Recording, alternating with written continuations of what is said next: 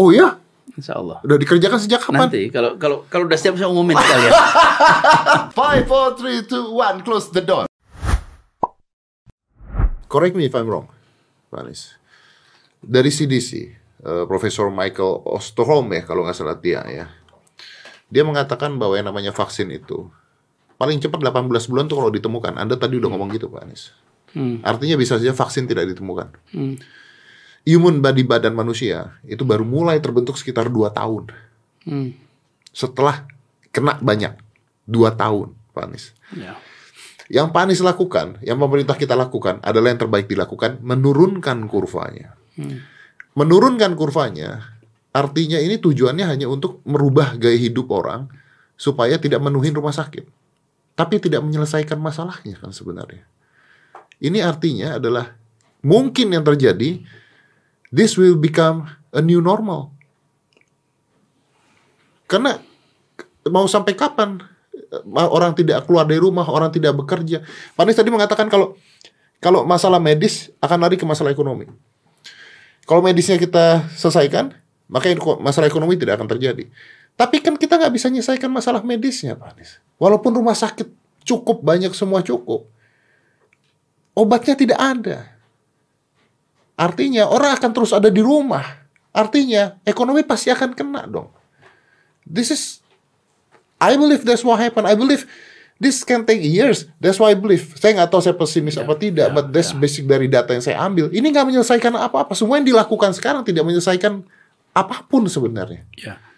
Jadi dengan situasi seperti itu, yang kita berhadapan dengan informasi yang minimum, informasi yang minimum. Terus eh, pada siapa kita harus mengandalkan dalam informasi dalam mengambil keputusan? Ya. Kan harus ambil keputusan nih atas langkah-langkah. Saya percaya ini adalah kesempatan bagi kita untuk dan kami lakukan selama ini percaya pada sains ilmu pengetahuan Mhm. yang dijadikan sebagai dasar dalam kita melihat masalah, mengambil langkah-langkah. Jadi, misalnya, ini soal COVID, kan bukan soal virusnya saja, oke? Tapi ini soal penyebarannya kan. Ya. Jadi kalau soal virusnya tadi dibilang belum tentu 18 bulan tahu. Tapi penyebarannya kita tahu.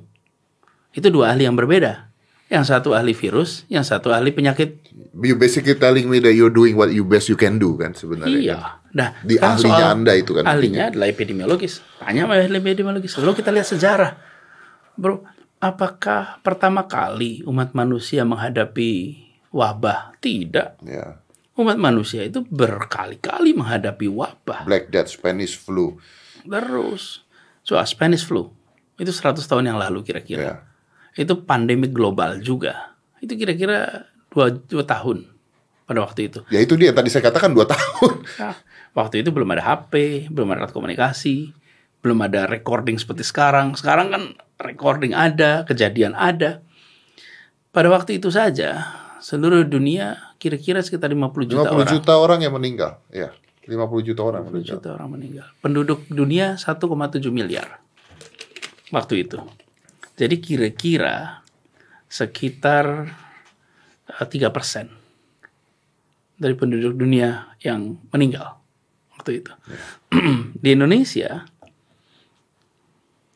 tahun itu 1918, 1920 yang terkena pandemik flu ini empat wilayah paling banyak. Surabaya, Madura, Cirebon, Banten. Korbannya satu setengah juta orang meninggal di Indonesia. Satu setengah juta orang meninggal. Penduduk Indonesia tahun 30-an itu 60 juta. Itu berapa Jadi- persen? Ya, 3 persen. Sebutlah kalau tahun 20-an kira-kira sama gitu penduduknya. Ya sekitar dua setengah persen dari penduduk Indonesia pada waktu itu.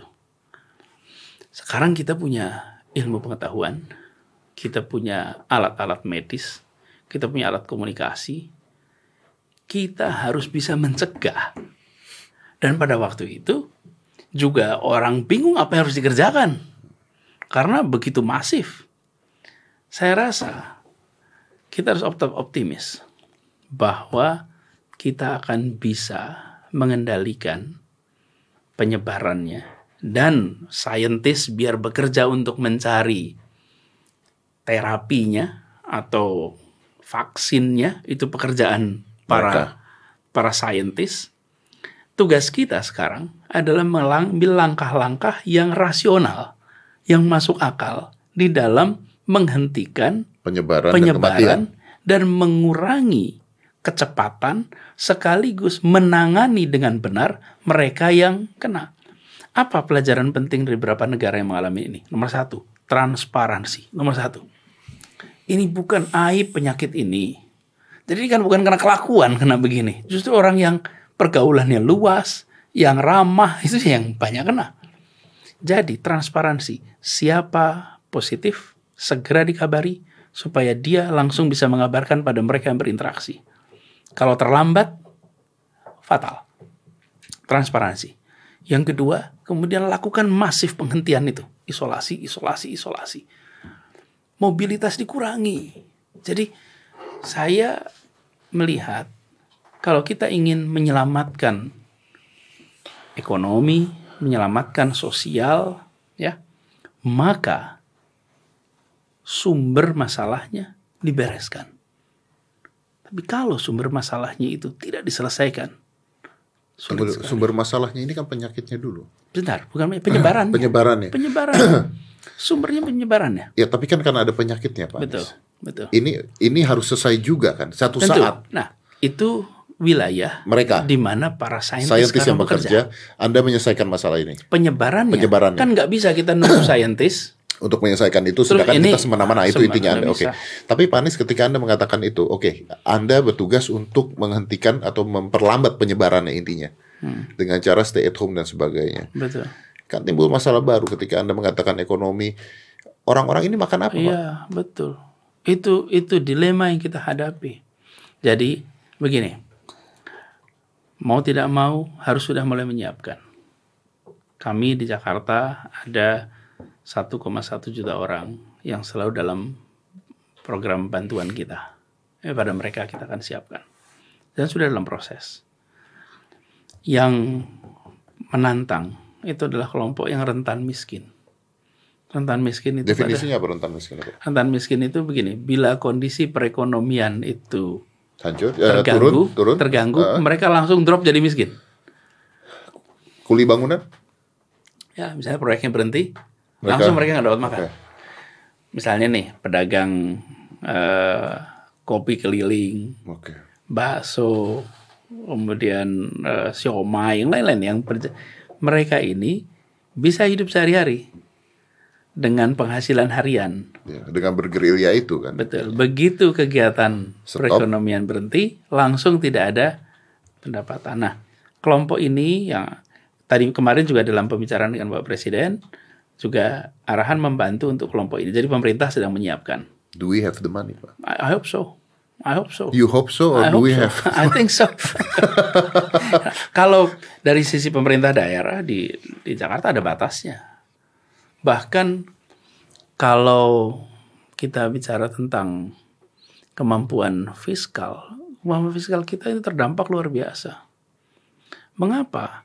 Bayangkan pajak kita turun secara luar biasa. Turun luar biasa. Kenapa bisa turun? Ya karena kegiatan perekonomiannya turun. Nggak ada apa-apa, iya benar. Sekarang misalnya oh, pajak hiburan dari mulai restoran, Hotel. hotel, kafe itu dengan tidak ada kegiatan ya otomatis kita juga tidak ada tidak ada uang masuk dari pajak. Betul tidak? Ya. Jadi kita itu mengandalkan pendapatan dari kegiatan perekonomian. Saya sering bilang tuh kalau pemerintah tuh bukan mencari keuntungan, pemerintah itu mendorong perekonomian tumbuh, perekonomian yang tumbuh memberikan pajak kepada kita sebagai pemasukan. Ya. Karena itu tugas kita mendorong perekonomian tumbuh. Begitu perekonomiannya turun, otomatis pendapatan pemerintah juga turun. Uangnya juga nggak ada. Eh, nggak ada. Nah, di sisi lain kalau pemerintah daerah tidak bisa mengeluarkan surat hutang. Tidak bisa. Artinya bisa. artinya kan harus dari pemerintah pusat Nggak ini semua. Betul. Betul. Ini saya di- dibahas, saya berko- kita ngobrol terus ini dengan teman-teman di pusat. soal ini, bagaimana itu segera. Dan saat ini yang sudah mulai merasakan dampaknya di Jakarta. Terasa sekali Jakarta. Jadi kita harus segera, karena itu langkahnya. Selama penularan masih tinggi, maka orang tetap khawatir untuk bepergian. Coba bayangkan, minggu lalu 157, ini minggu lalu nih, hari ini 495. Betul, betul. Sekarang, kalaupun dibolehkan, oke kerja, will you do it? No, Risking, because we are afraid of it. of course. Oke. Jadi tetap nomor satu adalah kendalikan ini. Tapi kan kalau ini menurun, lalu Anda membolehkan orang untuk keluar, naik lagi. Ya, karena itulah ada fase. Kenapa orang selalu bicara tentang nutup dua minggu, nutup tiga minggu? Karena pada fase itulah mulai terkontrol. Ini kan bukan virus yang hidup seumur manusia. Ini ada fasenya. Karena itu kalau kita secara kolektif, secara kolektif, betul-betul mengendalikan mobilitas bisa. Udah ada contohnya ada. Jadi Wuhan. Wuhan. Iya. Coba kita belajar di Wuhan. Wuhan begitu sama-sama menghindari mobilitas langsung turun.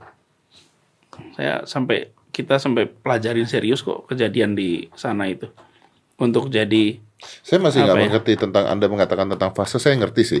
Tapi eh, bagaimana bisa mengatakan ketika menurun lalu orang boleh keluar, sedangkan si virus ini kan masih ada sebenarnya. Maka akan terjadi lagi penularan-penularan. Mau mulai lagi Pak dari Nggak. nol lagi Pak. Enggak enggak bu- bukan begitu. Jadi ketika kita putuskan untuk semuanya isolasi, Oke.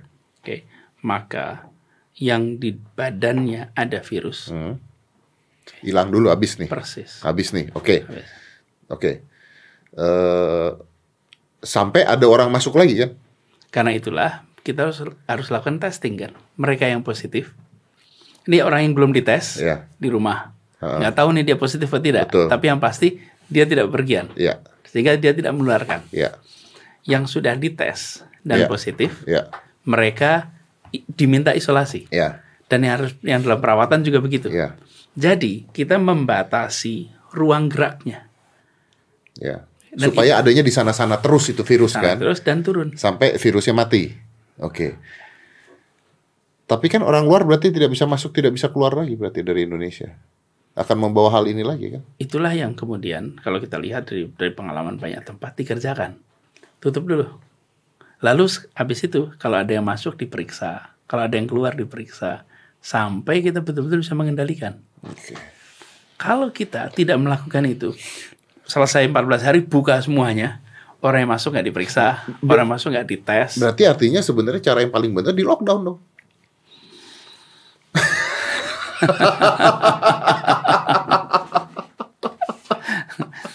Itu pengalaman banyak tempat begitu. Nah, saya men- kami mencoba untuk tidak sampai near near apa ya zero mobility. Kita merasa supaya tidak harus lockdown. Supaya nggak harus lockdown, maka yuk kita semua rame-rame memutuskan untuk menahan diri. Tapi ada negara yang tidak lockdown dan berhasil kan sebenarnya kan? Massive testing, isolasi. Massive testing, isolasi. Jadi bukan kemudian tidak lockdown nggak ngapa-ngapain. How can you do massive testing? How? How you do massive testing?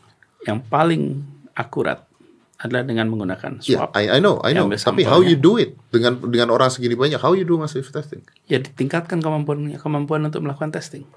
Kita di Jakarta ini sedang ngebut membangun lab BSL 3 Biosafety Lab eh, level Biosafety level 3 Biosafety nih ya kita Ya, bicaranya ya. Oke. untuk bisa melakukan itu dan kapasitas kita itu eh, di, mau ditinggikan secara drastis supaya kita bisa melakukan testing dalam jumlah ribu per hari.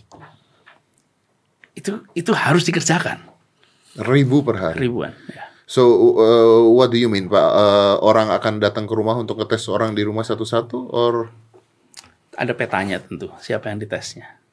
Cuman ya untuk melakukan itu itu alat swabnya harus ada. Karena swabnya itu alatnya tersendiri. dan bilang dari Beda. Cina. Udah dari mana-mana ada. Memang banyak di Cina. Swab kemudian satu swabnya, yang kedua transporternya. Karena begitu selesai Lab. di swab Tutup, dimasukkan, masukin rapat lab. kemudian dibawa ke lab. Kemudian di situ ada extraction dulu. Ada proses extraction dan setelah diekstrak maka dia tidak lagi infectious. Oke. Oke, baru kemudian diproses di pada PCR-nya namanya untuk memproses itu semua. Oke. Bapak kemarin eh, nonton eh, ILC nggak? Mungkin nggak ada Dokter Herlina ahli Oh, paru. iya, Erlina. Eh, Dokter Herlina kemarin juga ke hitam putih dia mengatakan bahwa ini ngapain dibeli rapid test katanya. Ini buang-buang uang doang. Yang harus bukan itu, yang harus Ya. adalah yang swab itu katanya yang dilakukan. Itulah sebabnya kita di Jakarta ini sekarang sedang menyiapkan. Tapi gini, kami itu kalau mengerjakan, kita ini kerjakan bukan untuk kampanye, kita kerjakan untuk nyelesain masalah. Tuh, kenapa kenapa lu ngomong gitu? Ya, jadi bukan untuk diomong-omongin, bukan. Kita nyiapin dulu. Ya, Bu, kan supaya masyarakat tuh tenang bahwa bahwa pemerintah itu mengerjakan hal yang benar gitu. Bukan sekedar apa ya gimmick-gimmick enggak lah gitu. Jadi apa yang kita kerjain? Kita kumpul, kita siapkan berapa PCR yang ada di Jakarta, dikumpulin. Lembaga ini punya sekian, lembaga ini punya sekian, lembaga ini dikumpulin itu PCR-nya. Lalu kita siapkan untuk bisa melakukan secara bersama-sama. How long does it take, Pak? Mudah-mudahan minggu depan sudah selesai. No, hah? Sudah siap. Minggu depan sudah siap? Ya. Masif tes? No kan? Ini apanya? Labnya udah siap. Oh ya? Insya Allah. Udah dikerjakan sejak kapan? Nanti kalau kalau kalau udah siap saya umumin sekalian. Tunggu dulu. Dikerjakannya sejak kapan minggu depan? Sekarang udah dikerjain. Udah Udah dikerjakan? kerjain. Jadi udah kerjain. Nanti begitu udah siap, saya umumkan. Siap, saya umumkan. Wow, that's Serius. amazing. Serius. Ini ini berita yang paling menggembirakan yang saya terima dari Anda hari ini. Iya, karena kita ini berniat menyelamatkan orang beneran. Jadi disiapin itu dan tahu bikinnya labnya pakai apa? Nanti udah saya tunjukkan udah jadi. Duitnya dari mana, Pak? Panggil semuanya minta tolong. Bang, ya udah ya. Minta tolong Iya, lo udah harus gitu, Pak ya. Minta tolong. Kita Ini- bilang, yuk tolong ini. Siapa punya apa, bantu. Ada yang punyanya keahliannya, ada yang punya alatnya, ada yang punya semuanya. Yuk kita panggil, bantuin. Tapi we need to import things, Pak. Iya, dan ada yang bantuin untuk nyari barangnya juga, nyari alat swabnya, nyari eh, transporternya. And we get that? Insya Allah. Jadi betul Wow. tujuan kita. Nah, kita akan sangat dibantu oleh begitu banyak pihak. Saya sampaikan kepada semuanya. Tunggu, Ini- is this your work? No, no, this is work of everybody. Ya, Pak. Uh, who, who, uh, siapa yang men- uh, pertama kali mikir tentang ini? Nanti gini, sesudah ini jadi saya ceritain. Sekarang lagi dalam proses. Nanti kalau enggak nggak diundang sini lagi. jadi nanti begitu ini jadi, begitu jadi, I'll take you there. And uh, take me there. I I'll want- take you I-. I make a videos. You make a video. Yeah. You make a video. You look at how this was being organized in a short period of time tadi saya terima tamu apa ada seorang ahli epidemiologis dari dari satu dari uh, one of the top universities in the US and one from top universities in the UK di Jakarta dan mereka malah bilang begini if Jakarta can do it the world will learn from Jakarta saya bilang oke okay, I'm not going to offer to do over promise oke okay, I better under No, promise no, no, no, no. and over deliver No, no, iya, iya. Uh, lu udah pede banget ngomongnya. we we don't want to do over promise tapi Wah, but, but, but, tapi Pak, kalau itu beneran terjadi, and you can do massive test, dan Anda bisa lakuin massive test, artinya bener-bener bisa terkontrol. Bismillah Dan kalau bisa terkontrol, artinya ini bisa lebih cepat. Ya, justru itulah. Karena itu keseriusan di sini penting sekali. Penting sekali. If this happen, you can do this and everything lebih cepat and everything. I choose you for president one day. Bentar, bentar, bentar. Ini lagi ngurusin ini dulu. ini lagi ngurusin ini dulu. Tapi gini, apakah ini untuk setiap lapisan masyarakat? Loh, kalau sudah sampai pada urusan testing, Everyone, ada ya? urusan. Karena virusnya nggak kenal strata ekonomi. so no no money, no price, tidak ada eh, bayaran dan sebagainya. Nggak ada. Ini kan justru ini harus dilakukan untuk bisa kita nih balapan sama pergerakannya si virus. Hmm. Begitu orang tested uh, apa positif, langsung kita bisa minta mereka bersiap di rumah. Kalau ada gejalanya berat ke rumah sakit. Kemudian bagi mereka yang negatif, kita tahu ke mana harus dipisahkan. Jadi testing itu adalah garda terdepan dalam memerangi penyebaran. Ya untuk belakangnya itu kan, jadi nyetop Iya. dulu dia di depannya. Persis. Oke. Tapi kalau kita nggak ngerjain itu, bisa. Berarti sudah ada dananya alokasi untuk tes ini, Pak.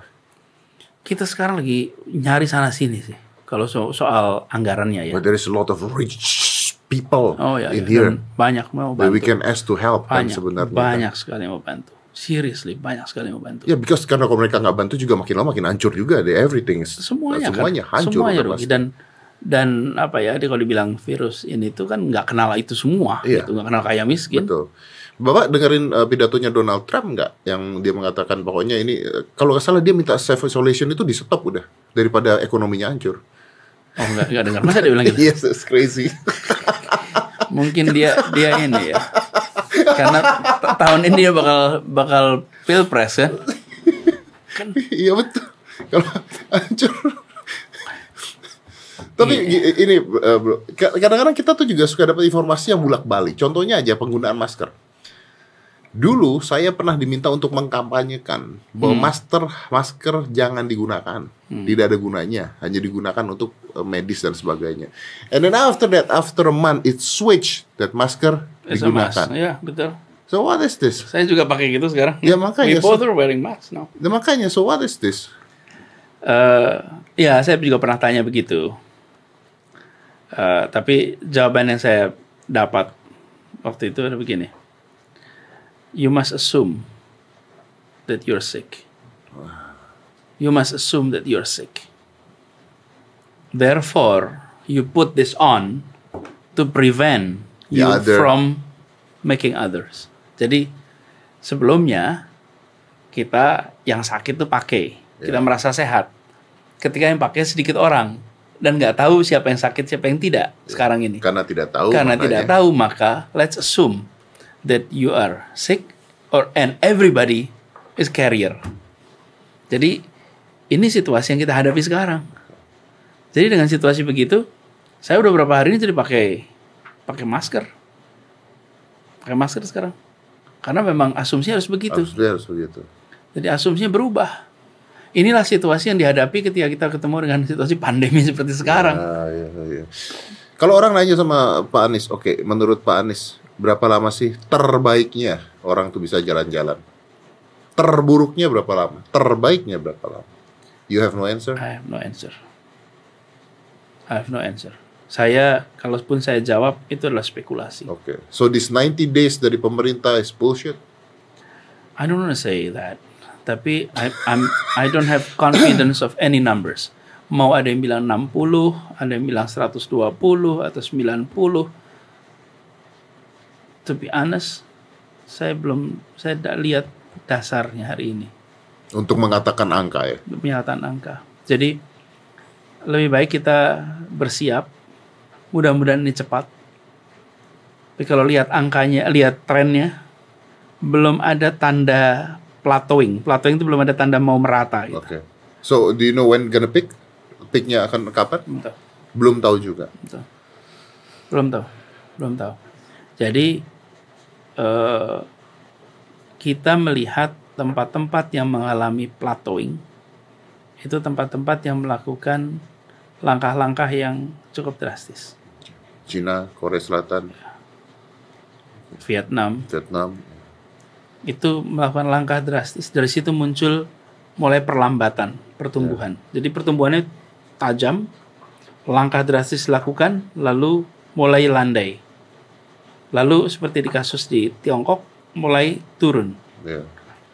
Jadi kita udah lihat di situ. Dan, dan saya tadi baru lihat di Instagram ada salah satu fitness influencer di Cina, dia lagi gym di tempat gym, terus ada gitu di bawahnya ada orang nanya, "The gym in China already open?" Dia bilang begitu. Terus dia bilang, "Yes, it's open already." Hmm.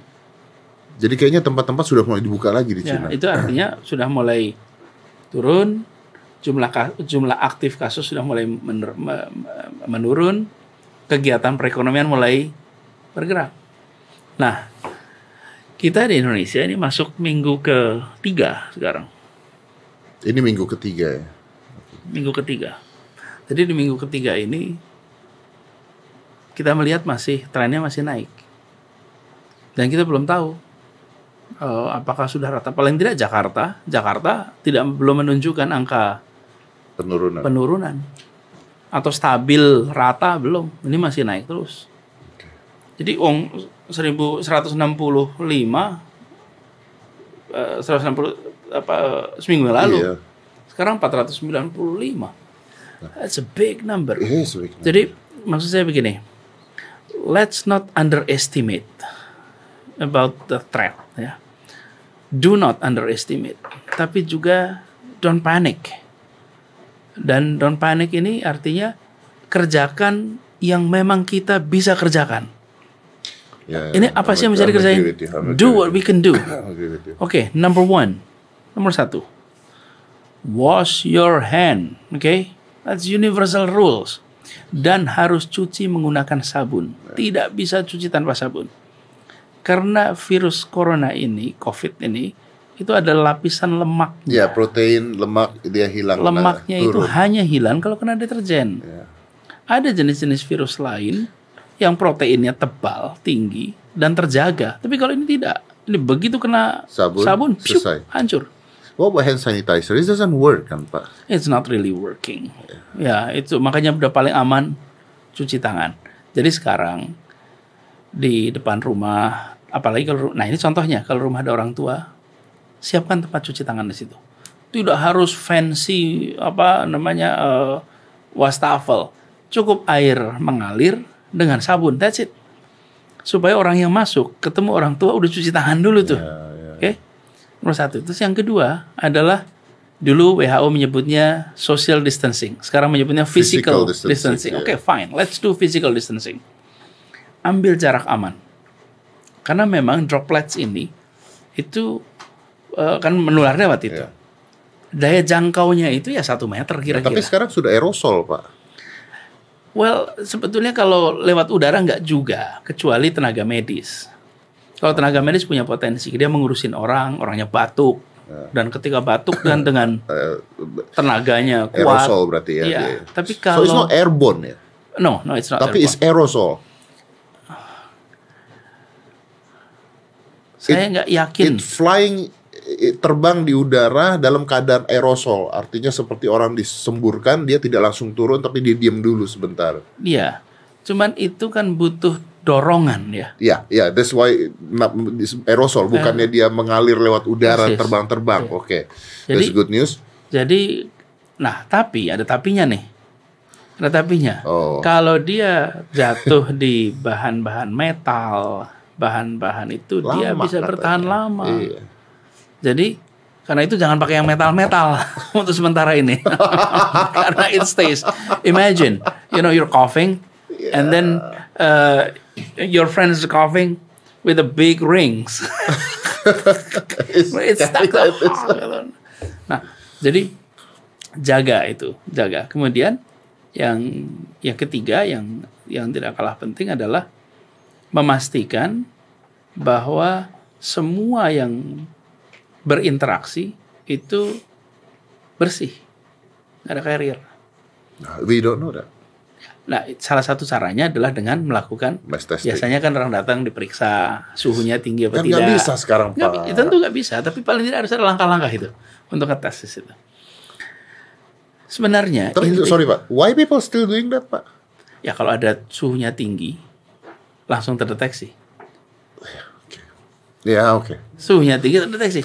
Kan salah satu gejalanya itu. Iya ya. Tapi yang simptomatis juga banyak kan sebenarnya. Banyak, kan. banyak. Tapi at least begitu ada yang sudah dicek. Tapi masa inkubasinya kan bisa aja 4 hari, 15 hari yang dia belum panas. Bisa. Well, at least we do what we can do. That's what you said ya Pak ya. Exactly. Oke. Nah, kalau if we do what we can do, insya Allah we can prevent this dari menyebar lebih jauh lagi. Jadi saya itu melihatnya begini, Eh, kalau ingin ini selesai lebih cepat, maka semua orang harus mengerjakan bagiannya. Oke. Oke, you have your large audience, Yes.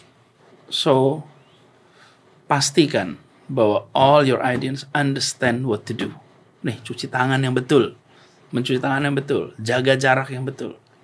Anak-anak muda bantu nyelamatkan sampai nyelamatkan your peer, your parents, your grandparents, Yeah. your uncles. Dan kalau lihat ada kejadian, jangan membayangkan itu jauh dari kita. Ya. itu bisa terjadi pada siapa saja. Ya. Karena itu be responsible. Ya. Betul-betul. Nah, kalau itu kita kerjakan secara kolektif, kemudian let the scientists do their part, Oke. oke? Kemudian kita yang di yang di negara ini atur policy yang inline dengan langkah-langkah yang rasional nih yang udah dikerjain. Publik juga melakukan hal yang sama. Insya Allah we can do it. Ya. Dan termasuk tenaga medis ini termasuk yang paling berat sekarang. Waduh, bayangkan di ini kita ya kasus di saya cek kasus di Jakarta nih.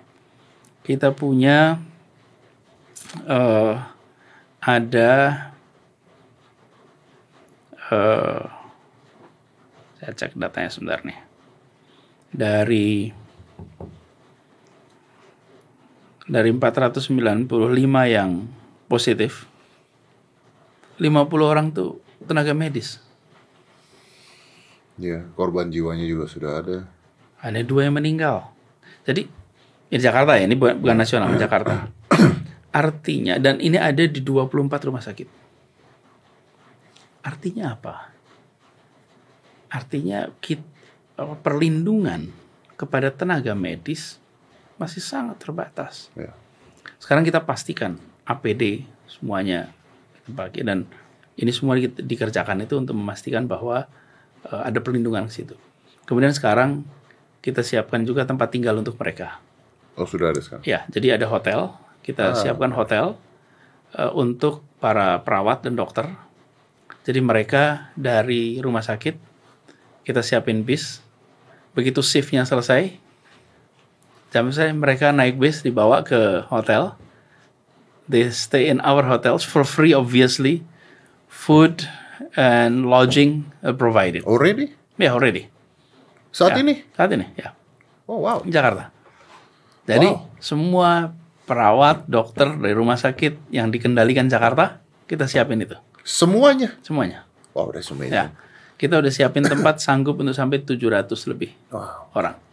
Jadi mereka itu tinggal di rumah di rumah yang yang apa di, di- di, di hotel yang nyaman. Ya. Bisa istirahat dengan baik dan sebagian itu memang khawatir kalau pulang. Ya, karena dia takut dia akan dia carrier dan takut sebagainya. carrier keluarganya kena. Dengan cara seperti ini, maka mereka merasa lebih tenang, keluarganya pun lebih tenang. Dan di situ ada fasilitas kesehatan juga. Jadi kalau mereka membutuhkan bantuan kesehatan, it, we are ready. Nah, kita minta dibantu sama semua orang. Yuk, mau bantu tenaga medis, bantuin lewat ini. Anda siapin catering. Ayo kirimin catering untuk mereka, untuk makan mereka.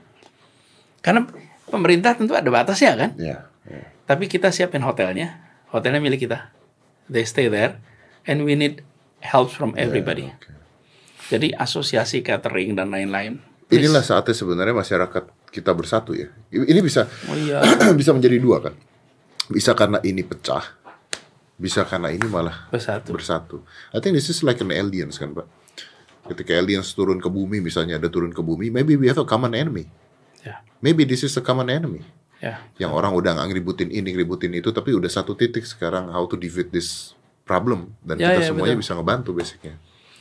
Betul. Ya, ini it's time to unite us together.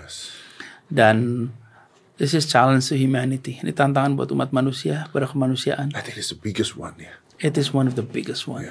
Dan eh ini betul-betul waktu untuk kita work hand in hand. Dan ini kesempatan bagi kita untuk menunjukkan bahwa ada satu masalah di mana semua perbedaan itu akan terlampaui. Ini adalah salah satu contohnya I agree with that. bahwa ada virus yang tak terlihat berpindah dari satu ke yang lainnya bergantian bertumbangan They don't care who you are. it doesn't never care and it's our responsibility to work betul-betul sama-sama Yeah. jadi saya eh, percaya kalau kita itu kerjakan ini dengan baik semuanya betul-betul semuanya Bro, in a good side, bro. Ini curhat ya. I also want to ask you personal things. On the good side, gue kemarin ngobrol sama anak gue Aska, umur 14 tahun, sampai jam 2 pagi. Really? Yes, sampai jam setengah tiga pagi Bener tuh. di ruang makan. He's talking about his life. Dia ngobrolin tentang dia mau apa nanti, sekolahnya dia ngomongin apa. Which never happened before. Indeed. Never happened before. Gue pulang gue capek, dia pulang besok harus sekolah. Biasanya seperti itu. Dia tidur, banyak PR dia harus ngelakuin. No, this is like gue bisa ngobrol dan belum pernah kita ngobrol seperti itu. Hmm. That's a good one. That's a blessing. That's a blessing. Ini gue ngomong merinding. That's a blessing yang That's gak indeed. pernah gue rasain. It's indeed a blessing. That's itu itu satu hikmah luar biasa. Yang sebenarnya kalau kita refleksi ya. Kan ketika kita semua harus ke rumah, tinggal di rumah. kan itu kembali ke masa Zaman gue. orang nenek moyang kita dulu. Ting- tinggal di gua, tinggal di rumah-rumah yang kecil yang ya sehari-hari itu ya ya adanya di situ. Ya, kalau makan harus rame-rame. Ya. Belum ada belum pakai kereta api, belum pakai mobil, belum pakai sepeda. Ya perginya ya dengan anak, dengan istri ya satu wilayah situ aja. nggak pergi ke mana-mana. Seumur hidup ya barangkali jangkauannya cuman berapa kilometer dari rumahnya, ya kan? kan sekarang-sekarang ini baru pesawat muterin dunia gitu kan. It's impossible gitu kan. Ya, barangkali kira-kira kan tujuh dekade terakhir ini Iya, kita betul. merasakan mobilitas yang luar biasa. Sebelumnya umat manusia itu ya tinggal deket-deket lah, pergi-pergi paling apa ya terbatas lah kaum kaum tertentu lah yang perginya jauh-jauh itu. Tapi um- umumnya terbatas. Nah, justru ini yang unik sekarang ini. Banyak yang bercerita betapa pusingnya di rumah bersama dengan keluarga. Lah memangnya ada masalah apa dengan keluarga gitu? kan loh we call this home gitu kan karena ini adalah tempat kita kembali kan Bro, trivia. Do you know what happened after lockdown in China? no No, you don't know, you don't read that? what happened Apa angka yang angka yang terbesar setelah virus adalah perceraian? oh ya ya ya ya Yes, ya, that's ya, ya, benar. Ya ya ya ya ya ya ya mendadak. Loh, jadi selama ini rumah transit ya gitu. Dan ini tantangan sekali. Ah, dan harus diakui sebetulnya bahwa eh, kehidupan modern urbanisasi yang masif itu tidak memberikan ruang yang cukup nyaman untuk kita berada di rumah. Iya. Saya ini refleksi aja nih di Jakarta eh, Sabtu Minggu mall penuh. Iya. Eh, ya memang Sabtu Minggu di rumah mungkin padat rumahnya. ya kan? Kan padat. Karena itulah kemudian pergi ke mall, pergi ke taman, pergi itulah manusia kota. Nah, sekarang ini barangkali kesempatan bagi kita untuk refleksi tentang bagaimana kita mengelola ini semua. Dan mungkin akan ada pembelajaran yang kita belum tahu sekarang. Ya, Totally. tapi kan hikmah itu kan nggak pernah datang kemarin ya. Hikmah itu datangnya besok. gitu. Iya. Jadi sesudah ini semua saya percaya akan ada banyak sekali hikmah. Saya malah berpikir mungkin kalau pandemi ini selesai, Pak, Hmm. People behavior change In a positive way. in a very positive way. I hope so. in a very positive way.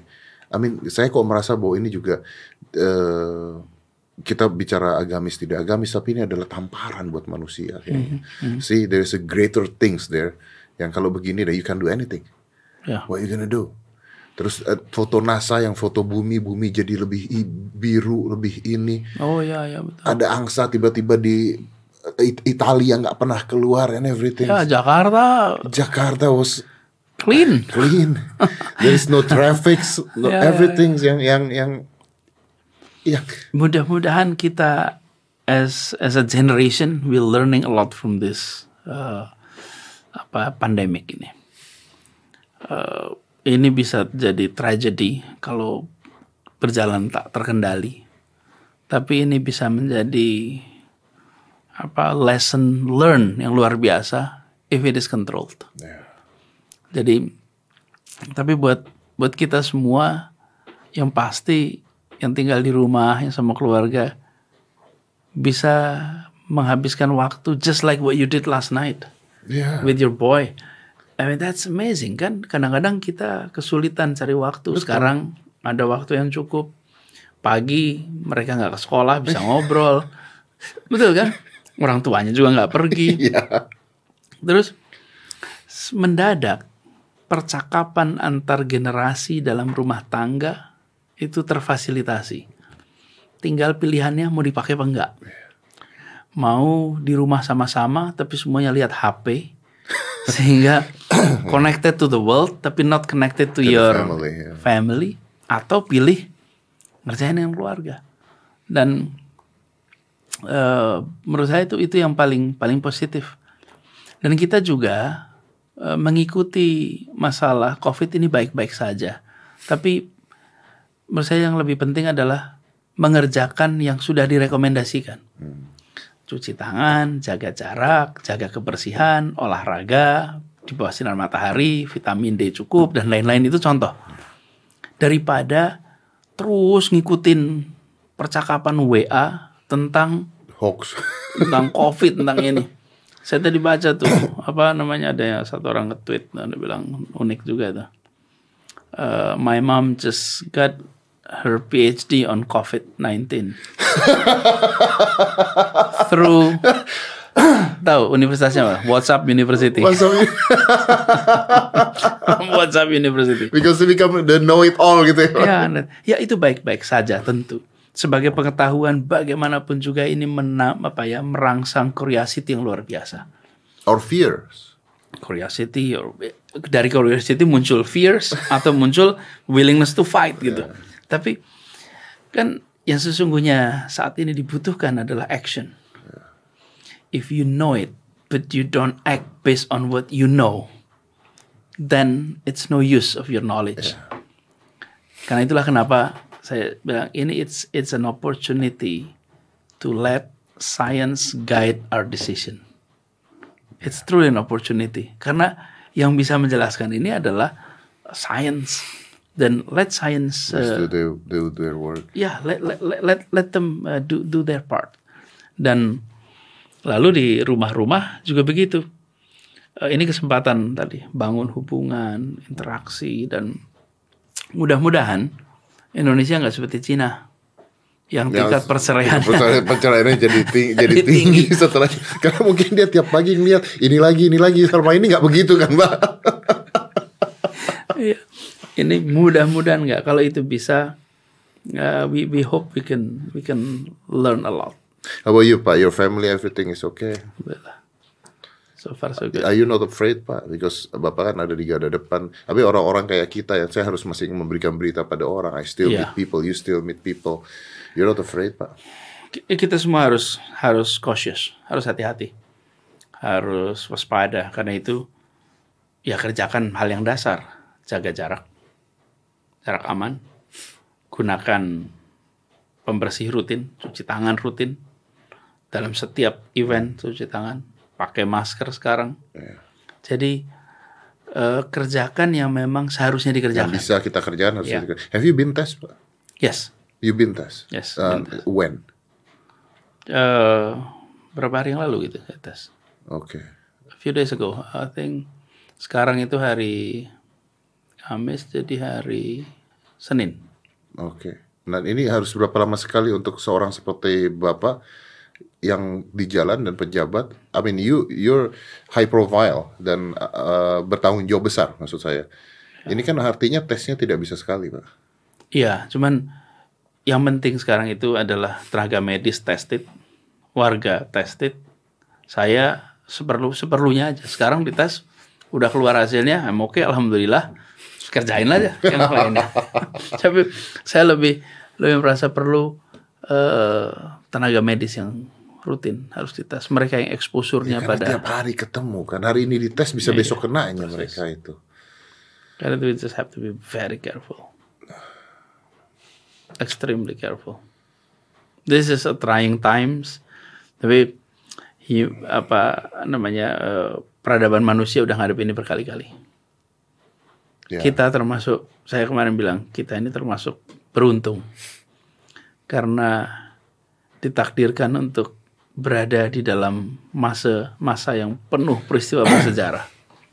But Jadi coba bayangkan kita kita tadi ngomong soal pandemi flu 100 tahun yang lalu.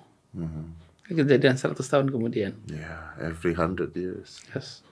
Jadi uh, take this opportunity not only to learn history but to make history. To make history.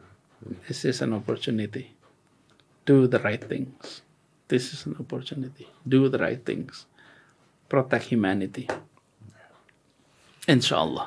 Insya Allah. Pak Anies, terima kasih banyak Pak. Thank you.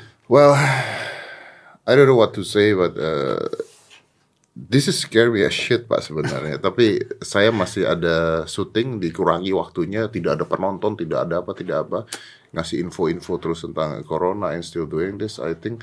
Tapi I, ya itu tadi Bapak bilang benar. Ya kita tetap harus berusaha lah ya. What we can do, we do. We try our best. Uh, let the scientists do their work untuk uh, find the apa namanya obat dan sebagainya and we try to stop this penyebarannya sebisa mungkin. Insya Allah. Dan yuk kita galang sama-sama. Ya. We can do Insya this. Allah we can do it. We can do it. Thank you Pak Anies, terima kasih banyak. Let's close this. Five, four, three, two, one. Close the door.